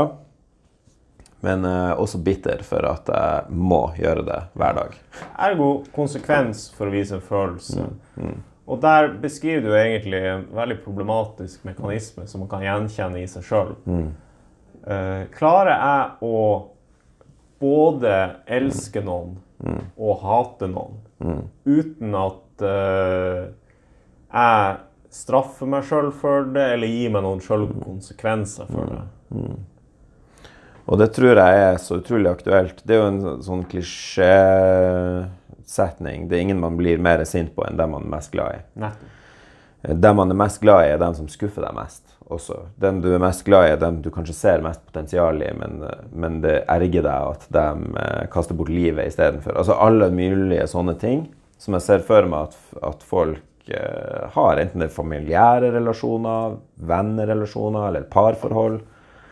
Så, så finnes det sikkert masse sånne eksempler på den der eh, dynamikken der med det er et menneske jeg er glad i, men det er også et menneske som irriterer meg grenseløst, eller skuffer meg, eller jeg blir sint over hvordan det her mennesket jeg er så glad i, lever livet sitt. Fordi det er vanskelig å holde eh, Og ikke gjøre verden sort-hvitt. Ja. Enten jeg er glad i noen, eller så hater jeg dem. Enten er det bra, eller så er det dårlig. Ja. Eller, ja. Hjernen vår elsker sort-hvitt. Ja. For det er jo så mye enklere. Liksom. Veldig ressursbesparende at ja, sånn og sånn samsvaret. OK, jeg liker ikke det. Sånn og sånn samsvaret. Jeg liker det. Men når du får de her komplekse, som du sier, dem man er glad i å liksom kunne være sint på noen man elsker eller er veldig glad i, uten at det skal samsvare med at du, det er noe galt med deg. Ok. Vi, vi, mye her rundt uh, hodepine, migrene. Og så litt sånn videre på det, for neste spørsmål er altså tilstander på, uh, på andre kroppslige symptomer som ikke nødvendigvis er smerte. Uh, Eksem, hudsymptomer. Uh, du nevnte innledningsvis her, så, så, snakka du litt om de tingene som hadde vært på moten, og du nevnte magesår, sure oppstøt. Mm. Eh, og jeg sa at jeg også har noen opplevelser som jeg vil spørre deg om. Så, så liksom det sammenfatta spørsmålet fra folk som har hørt på, er liksom kan symptomer som har med det å gjøre, hud eller uh, sure oppstøt, ikke smerte, men andre fysiske symptomer, være symptomer på TMS eller de her tingene vi snakker om. Og da kan jeg egentlig bare gå rett på de eksemplene fra mitt liv. For kanskje det kommer Jeg tror de riktige svarene likevel kommer litt gjennom det. For jeg hadde der smertebildet mitt. Og eh, høsten 2016, tror jeg det var, så fikk jeg for første gang i mitt liv en tilstand som heter krystallsyke. Mm.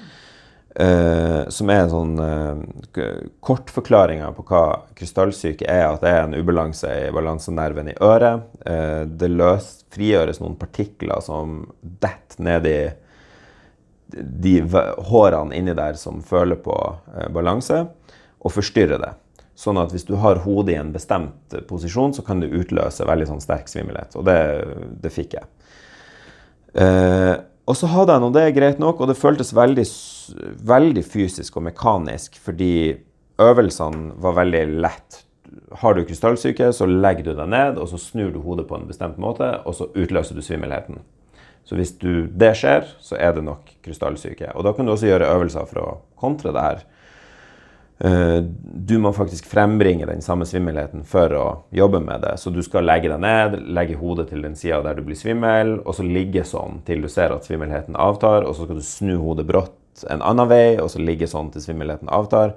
Og ved å gjøre det, så kan man manipulere de partiklene til altså, der de skal være, i hvert fall bort fra der de ikke skal uh, være. Så det måtte jeg gjøre, og jeg så jo hvordan det funka. Men i ettertid så fikk, hadde jeg en sånn vedvarende eh, svimmelhet som kalles nautisk svimmelhet. Som ikke er sånn roterende svimmelhet, men som føles mer som, som å stå på en båt som vugger. Og det, det var det svimmelhetsbildet som vedvarte etter krystallsyken. Men jeg har undra meg fælt på om den tilstanden egentlig var noe relatert til det vi snakker om her. Eh, fordi det var jo ikke egentlig noe galt med meg når jeg ser tilbake. Det var ikke egentlig en svimmelhet jeg kunne påpeke. Eh, men det var liksom bare noe jeg gikk og var hyperobservant på. Jeg følte det på kroppen at noe ikke var rett. Jeg var redd for at noe ikke var rett. Og det her ikke sant, i kombinasjon med at jeg hadde hatt smertebildet mitt, så tror jeg nok også at jeg var i en sånn situasjon eller eh, et sted i livet der jeg bare ble mer oppmerksom på at det er mulig å være syk på andre måter enn de måtene jeg var vant med fra før. Og det gjorde meg også litt engstelig for hva, hva, er det her? Hvor lenge skal det være? Skal det forme resten av livet mitt? Skal jeg ha, være svimmel og kvalm nå i lang, lang tid? Og på denne tida så hadde jeg også noe, noe sure oppstøt. Uh, som også kom litt sånn uh, ut av det blå ja, sure oppstøt. Eh, magesyre oppi og liksom ekkel magesyresmak i munnen. Eh, og, og i hvert fall eh, Og det har gått bort siden. Det har ikke kommet tilbake. Mm. Og den svimmelheten er også ganske lenge siden jeg hadde, hadde ordentlig. Uh, og de gangene det har kommet, så har det kommet veldig sånn kort og kraftig.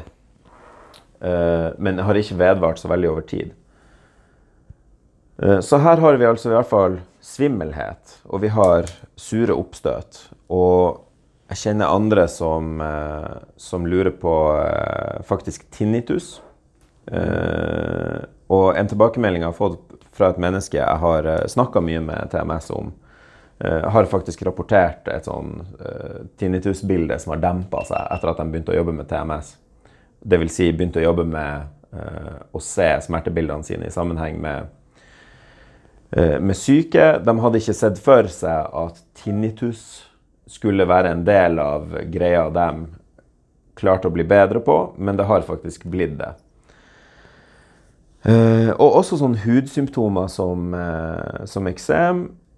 Og herregud, jeg har jo sett uh, sjøl med mine egne øyne hvordan munnsår er en sånn ting som oppstår. Jeg har også fått det uh, som barn. Uh, lærte jeg at liksom, munnsår kunne være sånn stressrelatert. Uh, og har for så vidt ja, i livet hatt personlig erfaring med at liksom, i stressende perioder av livet så oppstår det lettere sånn munnsår på leppa, på siden av leppen, eller faktisk inne i munnen. Sånne blemmer i munnen eller på tunga. Mm. Så jeg har masse sånne symptomer som ikke nødvendigvis er smerte, eh, men som denne reisa tar meg litt til å se at ja, det kan være noe i det her. Eh, og samspill med, med syke. Men som bare ut fra alt jeg nå har riffa på og, og fortalt om mine opplevelser, hva, hvordan ser du på det, og forstår du det? Eh, og hva ja, bekrefter det jeg sier, noe du allerede tenker? Ja, hva er en um, Hva er en enklere måte å forstå Kanskje jeg ikke skulle på det. Um, jeg har et lite kamera-issue, men det, det, får vi ta i editen etterpå. Ja, hva er en enklere måte å forstå det? Er det noe, er det noe galt med deg, da? Mm. Er det det? Har, Men, du, det er jo, har du en fysisk mm. sykdom som gir deg På nytt så er det jo det man bekymrer seg for.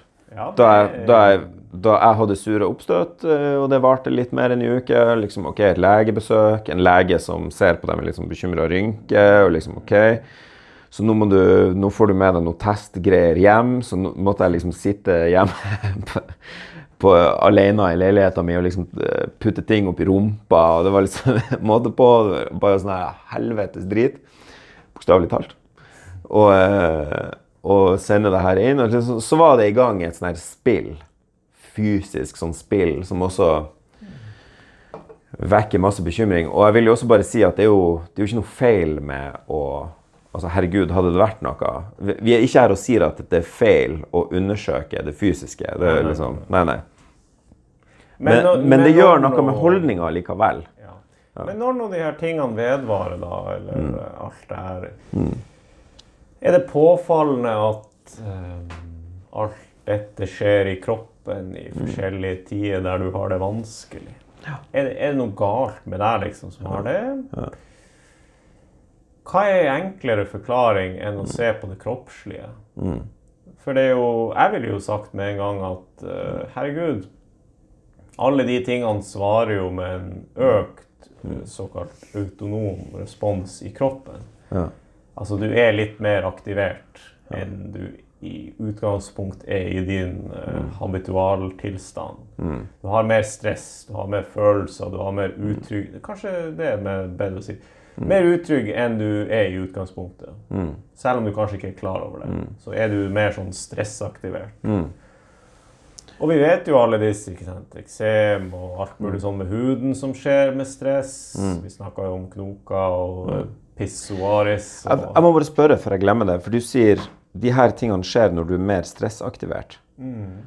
Uh, altså, når man er stressaktivert, så er kroppen i en tilstand der den er tilbøyelig for at det skjer eh, unormaliteter, eller liksom sånn smerter oppstår.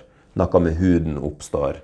Er det, se, er, det, det som er greia? Ja, du kan se på det slik, men uh, greia er jo egentlig at jo mer aktivert vi er, mm. uh, jo mer sånn fight or flight. For er du mm. veldig emosjonelt aktivert, mm. veldig redd eller veldig sint, så er du over i fight or flight med masse adrenalin. Mm. Og det er, en, det er, jo en, grads Det er jo ikke en av- og på-knapp. Det er en sånn gradsforskjell. liksom Mer eller mindre aktivert. Er du mer over i fight or flight eller rest and digest? Mm. Og alle de her emosjonelle tingene eh, mm.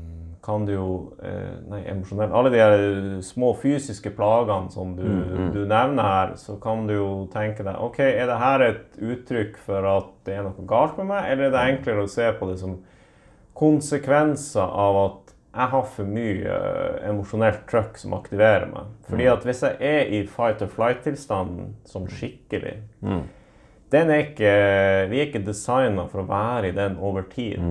Ikke sant? Eh, Utbrenthet og for mye kortisol og alt sånt, det er ting man kan tenke om det. Og det er jo lenge siden folk begynte å snakke om det. Men det er litt det som er greia. Typisk sånn uh, studenteksempel er liksom at uh, går du og har eksamen snart, så gror de her skrubbsårene dine dårligere. Og det blir litt sånn som snakk om med munnsår. på en måte, at Jo mer aktivert du er, sant? jo mer stress du har i livet ditt, jo, mer, eh, jo mer er kroppen din i en tilstand der den prioriterer ressurser til en del ting, og nedprioriterer til en del andre ting. Derfor er du mer utsatt for sår. Og, eller det går ta, sårene gror saktere. Og, ikke sant? Alt det her eh, pikk og pakke begynner å dukke opp. Det er litt sånn det er litt sånn overfladisk måte å, å si det på, men det er grunnen til at vi sier det der igjen, og sier det på den måten, og sier f.eks. at 'hei, du er svimmel', hvorfor ikke si til deg selv at det er angst? Fordi at hvis du gjør det, så anerkjenner du jo både at du har et fysisk symptom, men du anerkjenner også at hei, shit, hvis jeg bare jobber med etter angstprinsipper, så kommer jo det her å bli vekke. Men hvis du på en måte ikke sier til deg selv at det kan være angst, så øh, blir det jo litt sånn som med det her alt det andre, at da, da holder man seg i fysisk tenkning. Kan det her være noe fysisk galt? Og så blir den endeløse jakten etter en eller annen fysisk løsning som ikke, ikke leder fram, rett og slett. Ja. Jeg kan uh, uh, kommentere på at eh, du skrev en post, eller ja, vi delte en post via Smertefri Gram, instaen vår, eh, og det var en tekst som du skrev om eh, å overvåke seg sjøl.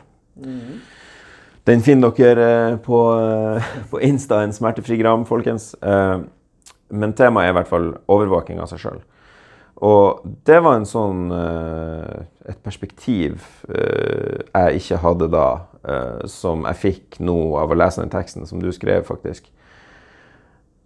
Jeg ser jo at det var det jeg gjorde i min vedvarende smerte, eh, ikke smerte denne gangen, svimmelhet. Den der nautiske svimmelheten var en sånn eh, veldig overvåking av hvordan føler jeg det egentlig.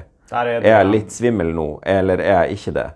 Og gjennom å gå rundt og liksom grunne på det, så er det akkurat som at man føler seg svimmel når man egentlig ikke er det, og man leter hele tida etter følelsen. Er jeg sånn nå, eller er jeg ikke sånn nå? Er jeg sånn nå, har jeg, akkurat som med hvordan jeg hadde det i rumpa mi, eller du med skulderen, eller eh, noen andre med kne. Har jeg vondt nå, eller har jeg ikke vondt? Tåler jeg det her, tåler jeg ikke det her? Overvåking og bare hele tida sånn grunning på, Ja. på det blir- der der. Man blir lurt. Ja. Fordi at man Og- tenker eller ikke tenker at å overvåke seg sjøl er en god idé. Ja. Eh, Men prosessen av overvåking er det som får symptomet til å vedvare. Og eh, ja, gå rundt og overvåke seg sjøl. Og, eh, og gjennom det så kan man begynne å føle ting som egentlig ikke er der. Og da kommer det et annet sånn minne opp eh, i minneboka mi om, om å være på fotballturnering i Danmark som barn.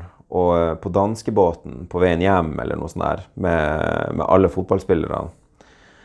Eh, så begynte det å bli snakk om å være sjøsyk. Og det var én person på laget som faktisk ble, enten det var vanlig syk eller sjøsyk, han begynte i hvert fall å kaste opp, og var liksom syk. Eh, men da var liksom ordet spredd seg. At liksom 'Å, herregud, sjøsykdom', eller kvalme. Og sant nok, etter kort tid, hele laget lå og var kjempekvalm. Og alle lå i hver sin eh, lugar og i seng, og liksom Hele laget var liksom syk. Men egentlig var det bare én person som var syk. Eh, jeg tror alle bare lot seg rive med av at det var noe. Og så begynner den overvåkinga. Er jeg kvalm nå? Er jeg ikke kvalm nå? Og jeg er, i hvert- er fall sånn at hvis jeg hører om kvalme og omgangssyke, så er det akkurat som jeg er så redd for å få det at jeg begynner nesten umiddelbart å bli litt sånn Ja, jeg kjenner meg nå litt kvalm. Eh, Men den der overvåkinga av seg sjøl, i hvert fall. eh, Et sånn eksempel på, eh, på det som jeg kjenner igjen. Det er bare noen som ringer. Ja. Eh, og i hvert fall i form av den svimmelheten, så, så ser jeg tilbake, og så husker jeg liksom den episoden fra fotballaget, og liksom Jaha, det der med å overvåkes, hvordan man har det. Ja. Får du litt sånn massesuggesjon. Ja. Og det er jo det når vi snakker om at ting er på moten. Mm. ja. Det er ikke like akutt som på danskebåten, Mm. at det sprer seg. Men det ligger en idé der at de og de tingene må man passe seg for. ja. Passe seg at man ikke får whiplash etter å ha blitt kjørt baki. Passe seg at man ikke får magesår av å stresse sånn og sånn. Passe seg at man ikke får vondt i ryggen av å gjøre sånn og sånn. Mm. Det der er farlig for ryggen. Vi var jo veldig på det der. Liksom. Det er farlig for ryggen. Ditt og datt og datt. Og datt. Det er den her uh, suggesjonsgreia. sant? Forståelse for hva, hva som går. For vi er jo veldig føre var. ikke sant? Vi, vi er jo skrudd sammen for å skulle overleve. Ja. Det er litt sånn her, Hvis du hører at noe er greia, sånn som du sa at whiplash hadde vært på moten Så hvis du hører om at det er en ting man får, det er en ting som skjer Får du sleng på nakken, så får du også whiplash, og da har du et smertebilde som er sånn og sånn. Så begynner den realiteten å feste seg. Trua på det fester seg. Klart, og så er det også det du opplever. lete, Har jeg det? Har jeg det Ja, ikke? ja. Eller det er jo ikke noe automatikk i at du gjør det, men kanskje er du uheldig, og så klistrer den driten seg, og så begynner du å Mm. subtilt, kanskje uten at du merker det også, begynner du sånn her, ah, Faen, er nakken blitt litt rar etter Mm. en kollisjon? Altså, faen. Jeg har jo hørt om sånn whiplash. Faen, jeg håper ikke jeg har fått det. Um, jeg, jeg tror nå eh, Nå vil jeg inkludere det neste spørsmål som eh, spiller litt videre på det her. For det, vi snakka om eh, andre symptomer enn smertesymptomer, altså hud, og sånne ting.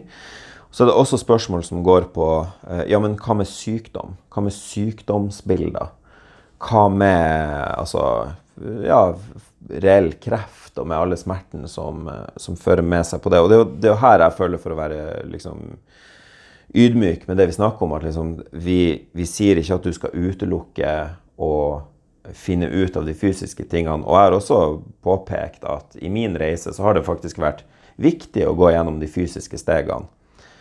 Eh, for det eh, var med på å gi en closure, når jeg liksom enda atter en gang bare Nei, det er ikke noe jeg kan ikke se at det er noe fysisk galt med din kropp, og du forteller meg eh, for, første gang om den psykiske måten å, å jobbe på, så var det liksom OK.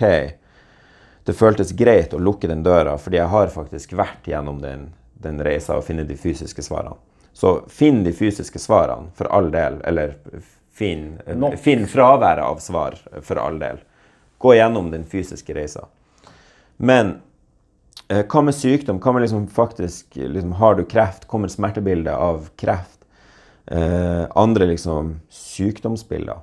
ME nevnt innledningsvis. Eh, fibromyalgi. Og kanskje en sånn brannfakkel som også ringer noen bjeller for min del. Det er jo vi, vi hører rapporter om dem som har hatt korona. Veldig aktuelt tema hatt koronasykdommen, og så rapporteres det om en sånn etterpåvirkning som høres litt sånn, eh, i hvert fall ut fra min forståelse, litt sånn ME-aktig ut. Sånn utmatt, mye sånn snakk om utmattelse. Og ba, før, før, jeg, før jeg spør deg videre, så kan jeg bare kommentere på at liksom, ut fra det vi har snakka om nå, ut fra det jeg har lært, og liksom, vi snakka nettopp om overvåking av seg sjøl For jeg kan se for meg og gjette litt på at hva skjer etter du har hatt en så eh, kjent sykdom som har prega verdensbildet så jævlig som korona. Alvorlig sykdom. Masse, masse historier knytta til den sykdommen. Du har hatt den. Du er nå ferdig med den. Og jeg ser for meg at det er så, det er ikke lett for folk å bare si seg ferdig med den. Du går sikkert rundt og kjenner på deg sjøl og hvordan du har det, og analyserer hver minste ting i hvordan du har det. Så jeg kan se for meg Skal selvfølgelig være ydmyk på akkurat det, for jeg har ikke opplevd det sjøl. Men jeg kan se for meg at det kan ligge noe der. Eh, og der kan jeg egentlig spørre deg, du som er i bransjen, psykolog, og møter pasienter med forskjellige, liksom, både ME og andre ting. Altså, ringer det de samme bjellene for deg? Akkurat det med noen, at noen har foreslått at vi skal ha en egen diagnose for postviral korona, er jo litt rart. Fordi vi har allerede en diagnose som er, på, som er bare postviral utmattelse. Mm. Og, eh, men ja, det, er klart, ikke sant. Hvem som ikke vil overvåke seg sjøl etter å ha hatt korona? Etter Ja. eh, hvor nytt og skummelt, og mm. hvor mye det hele tida kommer frem at eh, Herregud, hva er det her, og vi vet ikke halvparten, og jara, jara, jara. Det samsvarer jo veldig med å nesten oppfordre til å overvåke seg sjøl. Og det leder deg jo sannsynligvis inn i en veldig dårlig vei. Fordi vi vet jo at hvis du overvåker deg sjøl, så kan mye begynne å skje. Jeg tenker, jeg klarer jo så vidt å gå på ei rett linje hvis jeg begynner å tenke for mye på hvordan jeg går. Ja. Så eh, Nei, klart. eh, Du, du sier jo flere ting her. og Det er jo litt sånn forskjell på kreft og ha ME og fibromyalgi og postviral korona, eller postvirale eh, symptomer. da. Uh, men fellesnevneren for alle er jo at um, man burde jo kanskje undersøke litt uh, om utmattelsen eller symptomene sine faktisk kommer av sykdommen, eller om det er en mulighet for at det kan komme av noe ja, egentlig alt det vi har snakka om til nå. Kan det være overvåking av seg sjøl? Kan det være undertrykking av følelser og sånn? Fordi det vil jo være kjempemessig hvis det var det. Fordi da kan man jo gjøre noe med det. Og det vil jo være kjempesynd hvis man blir lurt eh, til å tro at jo, all den her utmattelsen jeg kjenner på, det kan jeg ikke gjøre noe med, fordi sånn er det å liksom ha hatt korona. Men kanskje er jeg bare blitt lurt av at jeg har overvåka meg sjøl for mye. Jeg har vært veldig inaktiv, og med det så har jeg blitt rett og slett i dårligere form, degenerert litt. Altså, hvis jeg ligger i senga i ei uke, uavhengig av det er noe galt med meg, så kommer jeg til å føle meg ganske dritt. Du har degenerert litt, og så lar du deg kanskje lure til å tro at uh, det du trenger da, er enda mer hvile, og så degenererer du enda mer. Er det en spiral som er kjent for deg? Veldig. Og det er jo mye av det du ser hvis du begynner å nøste opp i trådene på eh, mange som har fått en ME-diagnose eller noe lignende. Du ser at eh, OK, du prøver å kurere hvile med mer hvile. Mm. når mer hvile allerede ikke har fungert. Da blir det jo veldig rart å tenke at det skal gå noen vei. Spesielt hvis du ser på eh, hva som skjer med folk jo mer de ligger i sengen. Og heldigvis har jo liksom eh, NASA og sånn gjort veldig masse studier på hva skjer når du setter folk eh, i mye hvile. For det er jo det som er å være i eh, vektløs tilstand oppe i verdensrommet. Det er jo som å være Det nærmeste vi kan eksperimentere med det, er jo å være sengeliggende.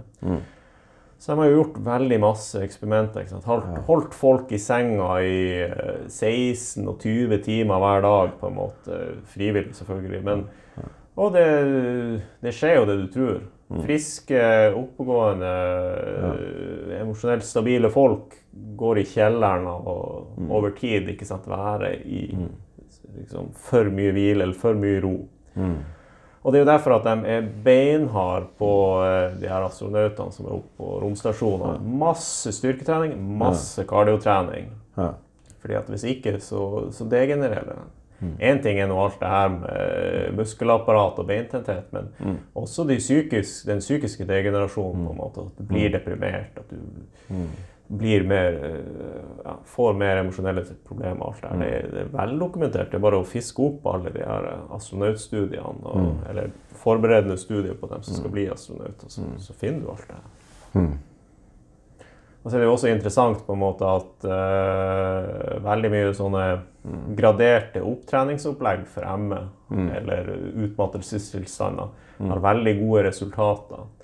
Så lenge den graderte protokollen følges til punkt og prikke. Så, eh, men på en måte, som du sier, vi, vi skal holde oss veldig ydmyke her. Vi skal ikke si at ditt eller datt er sånn eller sånn.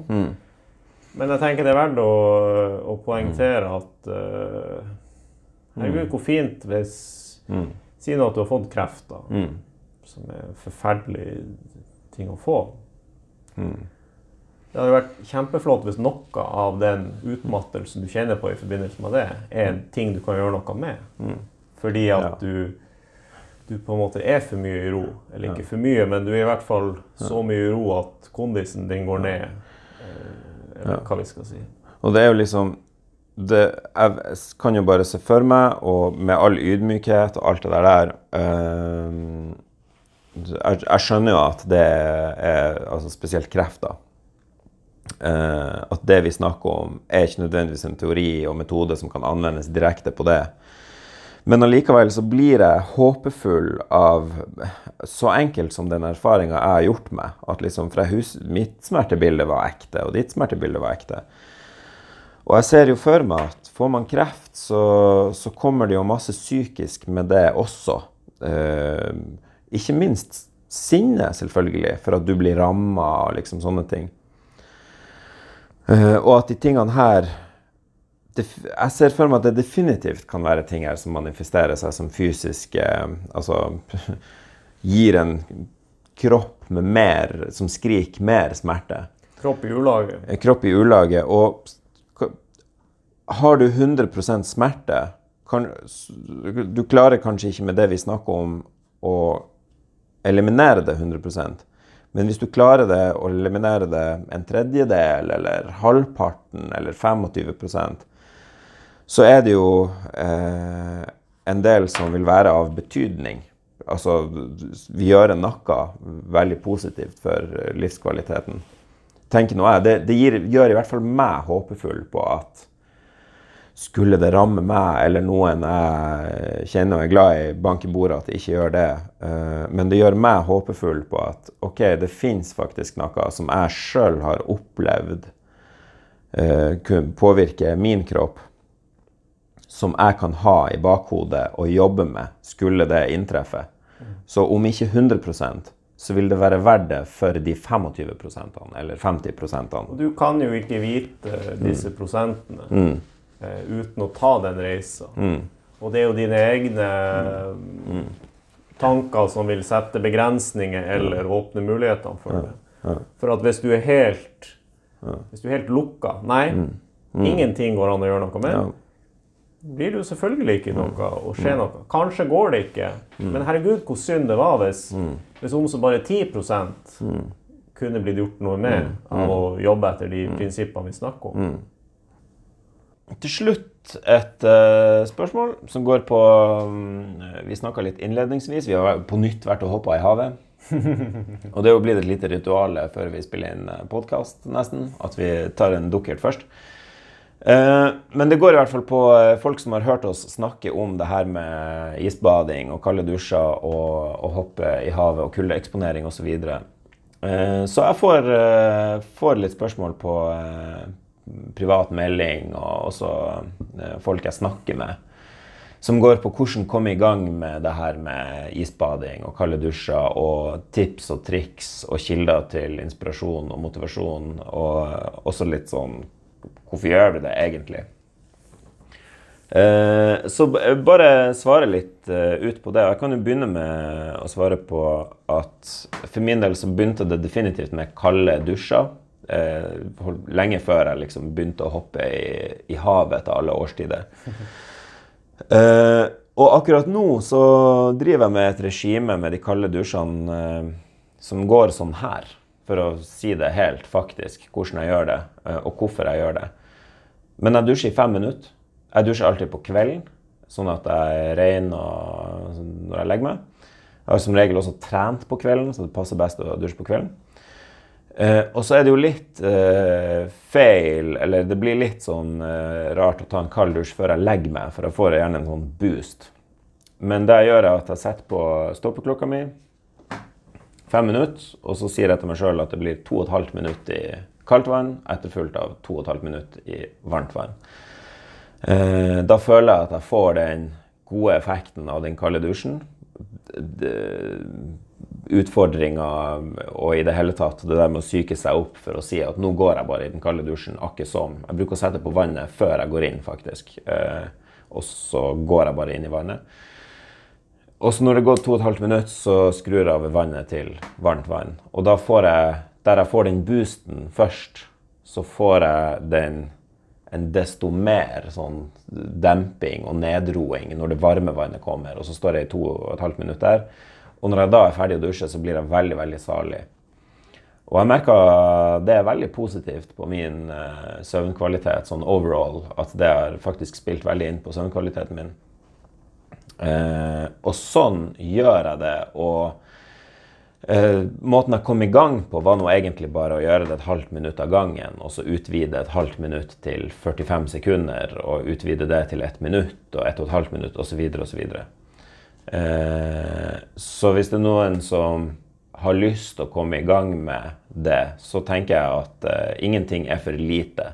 Ti sekunder om så, hvis du er helt uh, ja, du er helt rookie, Uh, så det er ingen start som er en dårlig start. Bare kom i gang om det er ti sekunder om så. Kom i gang. Ikke for høye Eller ikke ha noen krav, egentlig. Det er en fin måte. For Ja. La, det være, la det være noe som er for at det er bra, gir mersmak. At det ikke er noe Hvis det, hvis det føles for tvunget fra første gang, og det aldri slutter å føles tvunget, så det høres ikke ut som noe man blir å fortsette med. Nei. Eller kanskje en gang like. Hvem som liker å bli tvunget til å gjøre smertefulle ting? Ja. Nei, eh, ingen, eh, ingen steg er for lite til at det er verdt å ta. Sånn tenker nå i hvert fall jeg på det. Så, eh, så tåler du ti sekunder etter halvt minutt, flott. Gjør det hver gang du tar en dusj, f.eks. Og så kan du utvide etter ei uke, eh, eller noe sånt. Det viktige er å ikke bli motløs av at du tok ti sekunder. Mm. Tenk heller OK, ti sekunder. For hvis du gjør de ti sekundene, og du gjør dem i uke, og du faktisk gjør det syv dager i strekk, så går du gjennom ei reise som er annerledes enn at du tok ti sekunder, én eller to dager, og så slutta. Og bare Nei, det her er ikke noe. For at det er, det er litt som å lese i bok. Kan ikke få den samme opplevelsen ut av ei bok, lese et sammendrag, eller lese hele forbanna boka. Det, er, det er to forskjellige? Du kan lese sammendrag og få med deg plott av boka, men hele den reisa mm. du får av å lese den faktiske boka To forskjellige opplevelser, selv om du sånn faktamessig sitter igjen med stort sett det samme. Um, nei, så, så det tenker jeg er en, en bra approach for å begynne på. Eh, og igjen, kilder til inspirasjon og sånn finner du jo i det uendelige med å søke litt på YouTube. Og eh, vi har jo nevnt før han godeste Wim Hof, og det er jo eh, Jeg syns det er den beste, fordi han er såpass klar på at det her skal ikke være tvunget, og han er såpass klar på at det her gjør du for å, å liksom let it go og gi slipp på følelser og tvil og sånn. Du- Og da kommer vi egentlig inn nå på det vi snakka om helt i begynnelsen. Gå inn i ubehagelige ting frivillig. Ja. Og lære seg at det går bra, mestre dem, bli trygg på dem. Og Ja. håndtere alle de negative emosjonene som Mm. dukker opp inni deg. Men du gjør ikke noe med dem. Du bare anerkjenner at de er der, på samme måte som vi har snakka om. Å anerkjenne følelser uten at det skal lede til noe. Mm. Lede til noe handling eller noe sånt. Bare være i det kalde og, og kjenne at ja, her kommer det tvil, her kommer det sinne, her kommer det ditt, her kommer det datt. Men det er nå bare sånn det er. Det betyr ikke noe at det kommer. Ja. Hvis jeg bare blir her og mestrer, så, så går det vekk. Og eh, man hører jo snakk om helsegevinster med kalde dusjer, isbading og sånne ting. Og jo da, helsegevinster, men jeg går rundt og kjenner mest på mindset-gevinsten. Eh, og det har du og jeg snakka en del om, og det er der magien har vært for, eh, for min del. At eh, å sette på det kalde vannet og si til seg sjøl jeg går inn i det, og jeg skal stå i det i to og et halvt minutt. Det, skjer noe med hele meg. Og skjer, jeg, jeg så det på deg også når vi gikk ned mot vannet nå. At du har jobba med det her siden sist. Fordi du, du går inn i en modus. Du så, du så Ja. endringa, ja. Ja, du så når jeg skrudde på. Og du så, så det kanskje i meg Jeg også. det, ja. At liksom uh, Vi vet at vi skal ut i det havet. Vi, no bullshit. Vi skal ut i det havet, og vi skal tåle det og mestre det. Og vi, skal vi skal ligge og svømme litt uti der. Og så skal vi eh, tilbake igjen. Eh, og det er den treninga der, og det å gå ut i vannet så lett i dag, eh, kom ikke uten at jeg liksom gjør de kalde dusjene jevnlig og får hele tida den lille treninga der i å gå inn i noe ubehagelig. Og eh, jeg syns det er så vakkert overførbart til så mye annet i livet at eh, eh, noe i hodet ditt trenes. En liten sperre i hodet ditt er den du jobber med. Den sperra som sier 'ja, nei, det er ubehagelig'. Nei, nei, nei. Finne på grunner til at 'nei, det er ikke for meg'. Og liksom, 'Nei, det er teit'. Altså alle de der, der små stemmene. Det er dem du faktisk eh, Du jobber med. Ja, du kan overvinne den driten Ja. der. Og det, Og gå og gjøre hva som helst, egentlig. Det du har lyst til. det er bare at det her med kulde og isbad og alt sånt, det er en, en veldig fin situasjon å lære det i. Men Mm. det jo- kunne jo helt klart vært noe annet. Ja. Eh, Men det er jo det her å, å mestre de ubehagelige situasjonene og alle følelsene som kommer. Vi, vi kunne jo sikkert hoppa fallskjerm og oppnådd det samme. Det er jo bare litt mer uh, styr å få det til. Kulden er jo der veldig lett tilgjengelig. Faktisk. Lett tilgjengelig, men også lett å unngå. Og det er noe i det også, at det er så utrolig lett å unngå. Og vi, jeg har jo opp til det punktet jeg begynte med de kalde dusjene, gått gjennom hele livet og bare dusja i varmt vann. Eh, og liksom bare tatt det for gitt at varmt vann finner liksom Det bare renner varmt vann over meg når jeg, når jeg vil, liksom. Eh, så det, det, det ligger noe i det der igjen. Vi begynte med å si det, og det er kanskje det vi kan avslutte med dagens opptak med, er å frivillig gå inn i det ubehagelige. I det fins det mange svar på både det her med altså Kuldemestring er bare en liten ting av det, men kilden til et smertefritt liv, da, om du vil. Ja, for jeg tenker veldig på det vi snakka om fobi eller kne og hoft, Mm. ikke sant? At Hvis du ikke er villig til å gå inn i det her og Mm. bli litt kjent, ja, hva er det jeg er redd for her, og, og finne ut av det, da blir det jo sånn mystifisert, og kanskje man unngår det. Mm. Så jeg syns det er en veldig fin takeaway. Gå inn i det. Mm. Gå inn i det her, finne ut hva det er det her ubehagelige å møte. All right. Så med det, get to it, folks. Eh, Ja. Gå i dusjen. Om det er ti sekunder eller ett minutt, eh, Spiller ingen rolle. spiller ingen rolle, men gjør det, og kom i gang.